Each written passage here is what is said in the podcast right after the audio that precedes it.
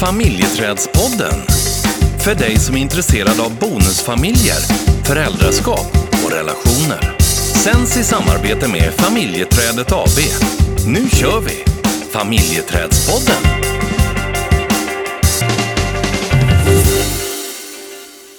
Du har ju varit ute på turné. Ja, jag och Emma har varit ute på turné. Och vad har ni haft för er då? Vi har eh, varit och eh, hållit en föreläsning för eh, förskolerektorer i eh, Sjöbo. Mm. Och Emma är en av våra medarbetare. Precis. Ja.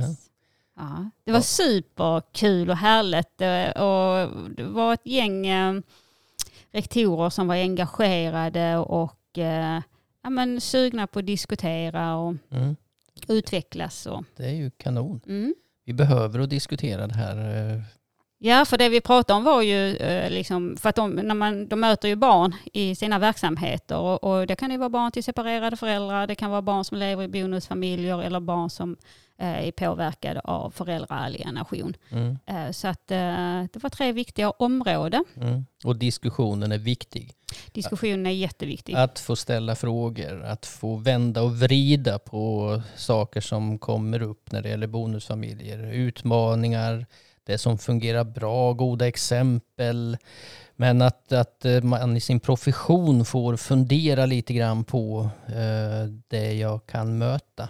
Ja, och vad har jag, om man inte lever i en bonusfamilj, vad har jag för förförståelse för vad barnet eh, hamnar i och, och påverkas av? För det är ju många olika saker. Ja. Barn kan ju leva tillsammans med sina föräldrar, men det är bonussyskon som försvinner varannan vecka. Mm. Och, det, och det, det kan ju påverka ett barn väldigt olika. Mm. Och vad möter jag som förskollärare och vad möter jag som rektor och de olika professionerna och hur ska jag tänka, hur ska jag möta det här för att det ska bli så bra som möjligt för barnet och också, tänker jag, bonusfamiljen i stort. Mm.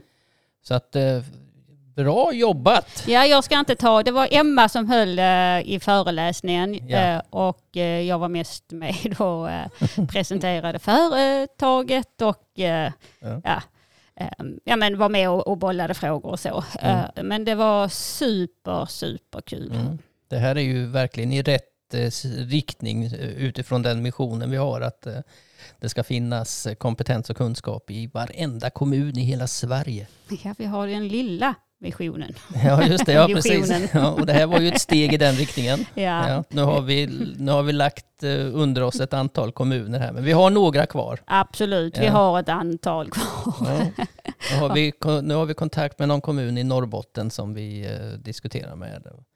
Mm, och som vill vara banbrytande. Så det tycker vi är superkul. Alltså de, uppe i Norrbotten är det ju Mm. Där finns ju ett stort ehm, antal kommuner som vi Du, kan. du har inte en aning om var Norrbotten ligger. Typ upp i landet. Nu ska vi inte gå in på mina geogra geografikunskaper. Nej, det ska vi faktiskt inte. Nej, Nej. utan vi ska, vi ska gå in på helt andra saker. För vi Mm. har ju fått in eh, lite lyssnarfrågor. Mm. Och vi tänker att vi ska ta två idag. Mm.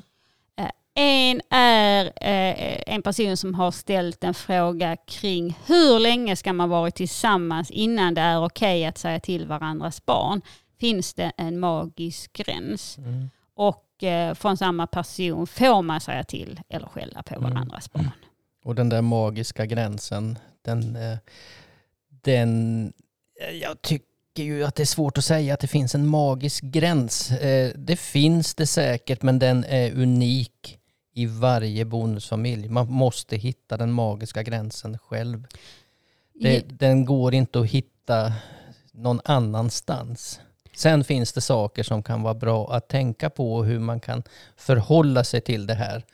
Eh, och då kanske nå den magiska gränsen att ja men nu känns det som att nu har vi kommit dit vi vill när det gäller min roll som bonusförälder. Ja, jag skulle precis säga det. För den magiska gränsen handlar ju om egentligen en- inte tid utan en känsla.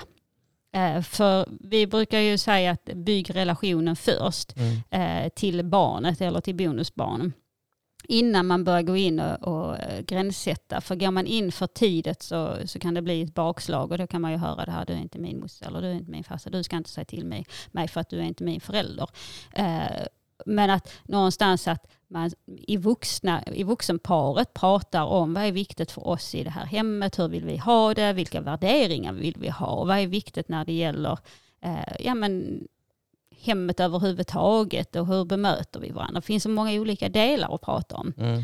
Eh, hur vi vill ha det. Mm. Och det kan man ju göra som vuxna först. Och sen så bygger man relationen. Mm. Uh, och när man är överens både som vux, i vuxenparet, då lämnar man över mandatet till mm. att okej, okay, mm. men nu, nu är vi ju här så att... Mm. Och det som är svårt att, att sätta en tidsgräns också, det är ju att det finns så många olika omständigheter inom bonusfamiljen när det gäller eh, regler eller eh, ja, synen på regler när det gäller de olika relationerna som finns. Det finns krafter utanför bonusfamiljen som eh, kan påverka. Eh, och alla de här omständigheterna påverkar ju hur processen går vidare i bonusfamiljen. Och det kan ju också handla om hur vana är vi vid att prata om gränssättning, om värdegrund, om förväntningar, om ja, och, och, eh, det kan ju vara två olika kulturer här. Någon kultur som är väldigt van vid att prata om det här, det är helt naturligt. Medan det kan vara oerhört svårt för en annan person eller en annan kultur som kommer in. Man är inte van vid det. Och, då, och det påverkar ju också i den här processen hur, eh, när man kommer till den magiska gräns där man känner att eh, mm, nu börjar det fungera här. Ja, och det är också viktigt att barnet har en trygghet. För om man kommer in med två olika eh, liksom värderingar kring gränser och, och, vad som är viktigt och, och, inte viktigt. Och helt plötsligt så börjar man lite, kanske lite snabbt hamna i att man ska göra de här stora förändringarna. Mm. Eh, och då, är, då hinner inte barnet med i det.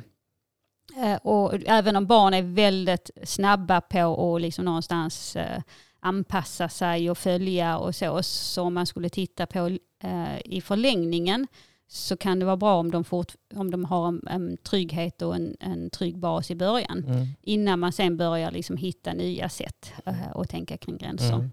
Det som jag tycker är lite spännande också när det gäller eh, det här området det är ju att prata ledarskap.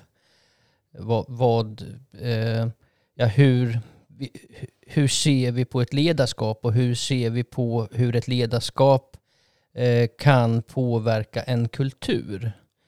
Och, och, min erfarenhet och det jag tror på egentligen är ju att rädsla eh, inte är en bra ingrediens till att få till en positiv förändring och en personlig utveckling hos människor eller i en grupp. Utan det handlar mera om att bygga en, en tillit, en, ett förtroende, respekt så att jag hamnar i ett läge där om jag gör fel så får jag inte skäll.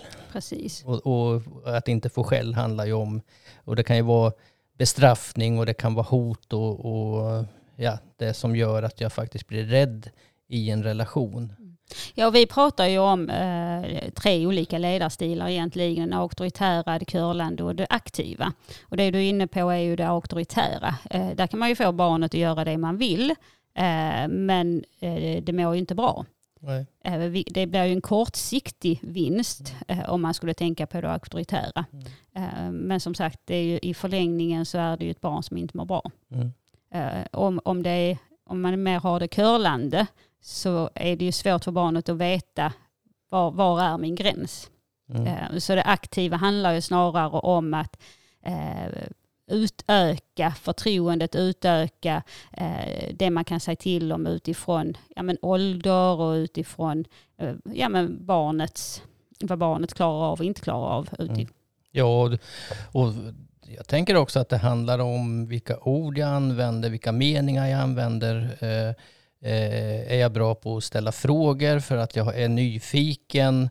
Eh, att det är det som och, och kanske framförallt en, en närvaro. Att det är det som bygger en, en, en tillit och ett förtroende för varandra. Eh, istället för att eh, gå in och, och mästra och prata om rätt eller fel. Sen är det klart, ibland så behöver vi göra det. Det här är liksom inte antingen eller, men om man ska titta på ett ledarskap rent generellt så tror jag att, att eh, eh vi behöver att hitta ett sätt att prata om de här sakerna som gör att vi inte stänger utan istället blir öppna för, och där tycker jag det ligger ett stort ansvar hos den vuxne att sätta den kulturen. Vi kan inte, vi kan inte, eh, vi kan inte, vi kan inte lägga det ansvaret på barn, för de har inte den förmågan eh, i, i ja, under, under den här perioden så att säga. Det är ju någonting man lär sig. Precis. Och jag också se istället för att gå in och alltid, för vi hamnar ju ofta i det spåret kring, kring gränser, men att också se eh, och tänka på det jag vattnar växer. Så det jag eh, någonstans vill att barnet, jag vill att barnet ska göra och jag ser att de gör det, att faktiskt uppmärksamma det. Mm. Eh, för att då kommer ju barnet vilja göra mer av det. Mm än att vi hela tiden ska vara där, där de inte gör det vi vill och säga till. För om vi gör det så måste vi också vara tydliga med att säga vad vill vi faktiskt att de ska göra. För ibland säger vi gör inte det eller mm. eh, men vi talar inte om vad det är vi vill att de ska göra. Eh, och, och, det är ju viktigt någonstans för att eh, de faktiskt ska lära sig vad vi vill att de ska göra. Mm. Så eh, om man skulle bara ringa in det här, för det här är en jättestor fråga och vi skulle kunna grotta ner oss i den här i eh, men om vi skulle ringa in så någonstans att prata värdegrund, prata vad som är viktigt i, i ert hem, i era relationer, bygga relationen till barnet. Och när ni känner att ja, men nu, nu, ehm, nu känns det liksom bra eh, och ni känner, ni vuxna känner att ja, men det känns, nu känns det liksom som att vi är där, att vi kan ta ett steg till. Då lämnar man över ett mandat och gör det tydligt för barnet. Ja, och också att man tittar på mina egna gränser. Var, var går mina egna gränser? Och, och eh, hur ska jag förhålla mig till det när någon går över min egen gräns? Och hur, hur kommunicerar jag det? Hur, hur, vad, vad gör det med mig? Eh, och hur ska jag hantera det? Eh, och, och, det kan ju vara oerhört svårt när jag känner att någon går över min gräns. För det är ju det som oftast händer. Och det är ju där frustrationen, ilskan, eh, konflikterna, det är det det handlar om eh, när, när någon har gått över min gräns. Oavsett om det är min partner, ex-partners eller barn eller vem tusan det nu är. Att jag blir provocerad och hur tar jag hand om den känslan? Det, det tror jag är den springande punkten i det här. Eh, Ja, och vem ska, vem, om det är så att jag tycker att eh, vissa saker är viktiga och eh, jag inte har fått mandatet att säga till och jag känner inte att jag har, kan säga till på ett, ett sätt som är, är bra, eh, då får man också bestämma, för att annars blir det, bygger man ju upp en frustration. Vem ska ta hand om det då? Om, om jag inte är i ett läge där jag säger till barnet och där min partner kanske tycker att nej, fast det här är inte ett problem för oss, det har aldrig varit ett problem. Då är det, vem ska då göra det? Mm. För att man inte ska gå och plocka undan och plocka upp och, och liksom hålla på med alla de där sakerna som man egentligen inte vill. Mm. För att då kommer det skapa konflikter. Mm. Um, så att man har den diskussionen. Hur gör vi när det här blir en utmaning för oss? Mm. mm. Så, um, det, men just gränssättning, det är, det är ett område man kommer, rätt, brukar vara, man kommer rätt snabbt in i det kring att prata om gränssättning. Um, och eh, det är ett stort område. Mm. Men det, det, finns så mycket man kan göra faktiskt eh, för att, men för att eh, underlätta för sig själv innan, innan, så att inte man hamnar i det här med att vara i konflikten kring gränssättningen. För att det är ofta där det skaver. Man tycker olika. Så en sammanfattning av det är att den magiska gränsen den, den är väldigt olika för varje unik bonusfamilj. Precis. Men att det, det finns, det finns eh, saker att tänka på för att hamna i ett läge där man känner att ja, men nu, är vi, nu är vi på rätt väg och nu har vi hamnat där vi eh, tycker att vi ska vara. Ja. Och att prata, som sagt, prata om hur gör vi när det inte fungerar för en av oss? Mm. Hur gör vi då? Hur tar vi hand om det tillsammans? Eh, för att den är också viktig. Mm. Ja. Vi släpper den frågan och så ska vi gå in på en, eh, en annan. Och eh, den lyder så här. Jag blir orolig att vi inte kan åka iväg som planerat. Det här är ett citat ifrån hennes partner. Eh, jag blev så ledsen inombords. Vi är han och hans barn. Är det rimligt att bli ledsen eller är det överkänsligt? Jag vill vara hans vi. Hur ska jag bemöta det på ett öppet och icke dömande sätt? det är ju så det är. eh, Fast jag känner mig ändå helt utanför och ensam när han säger så. Mhm. Vad tänker du?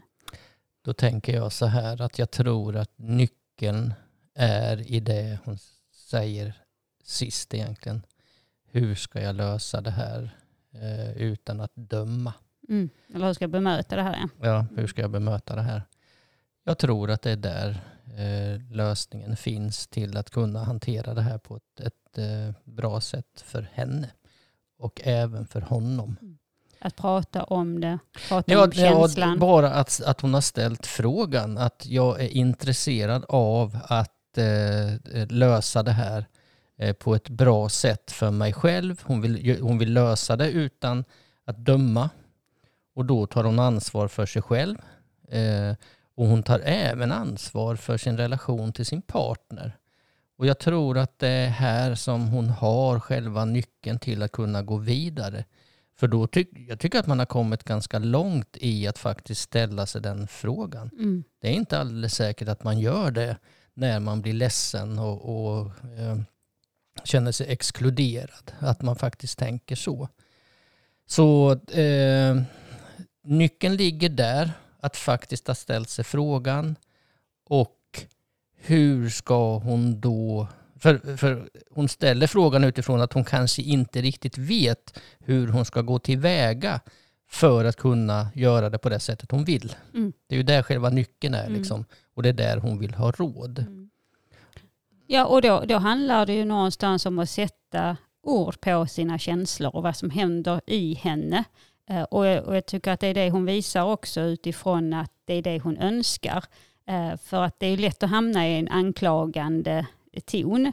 Men att börja berätta det utifrån att jag känner det så här. Ja, Det är, ett annat, en annan utgångspunkt. Ja, absolut. Och, och det blir också lättare för hennes partner att möta henne när han eller hon vet att det här är jobbigt, men jag, har, jag vill faktiskt lösa det på det här sättet. Eh, och och eh, det, det kan ju också underlätta kommunikationen och samtalet till att faktiskt möta varandra i den här oerhört svåra frågan som hon har hamnat i och som många andra med henne hamnar i. Eh, och, och jag, jag, blir näst, jag får nästan lite gåshud när, när, jag, när jag läser det här inlägget och eh, hur hon, vilket utgångsläge hon faktiskt vill eh, ha. Mm. Ja, och det hon kan göra är ju att utgå ifrån hur vill jag vara? Eh, ve- Vem, vem vill jag vara och hur vill jag vara i den här stunden? Hur vill jag själv eh, agera? Mm. För det är ju också svårt, för det är ju en, en utgångspunkt, men också det här när man ska visa sin sårbarhet, för det kan ju kännas som en sårbarhet och framförallt när man, när man känner sig utanför, man känner sig ensam i en relation med en annan partner. Eh, Då blir det ju en sårbarhet i det och det är ju den sårbarheten hon ska beskriva Mhm. och vad som händer med henne i det. Mm. Mm. och, men att då ändå utgå ifrån, eh, ja men vem vill jag vara i den här stunden? Mm. Och jag skulle också vilja be, bejaka henne i den här känslan att det här, eh, det här är någonting som är normalt och det är ingenting att skämmas över. Eh, och och eh, att det är bra att hon sätter ord på det, för det är en bra början. Och det är ju det här vi mästrar om när det gäller bonusfamiljer.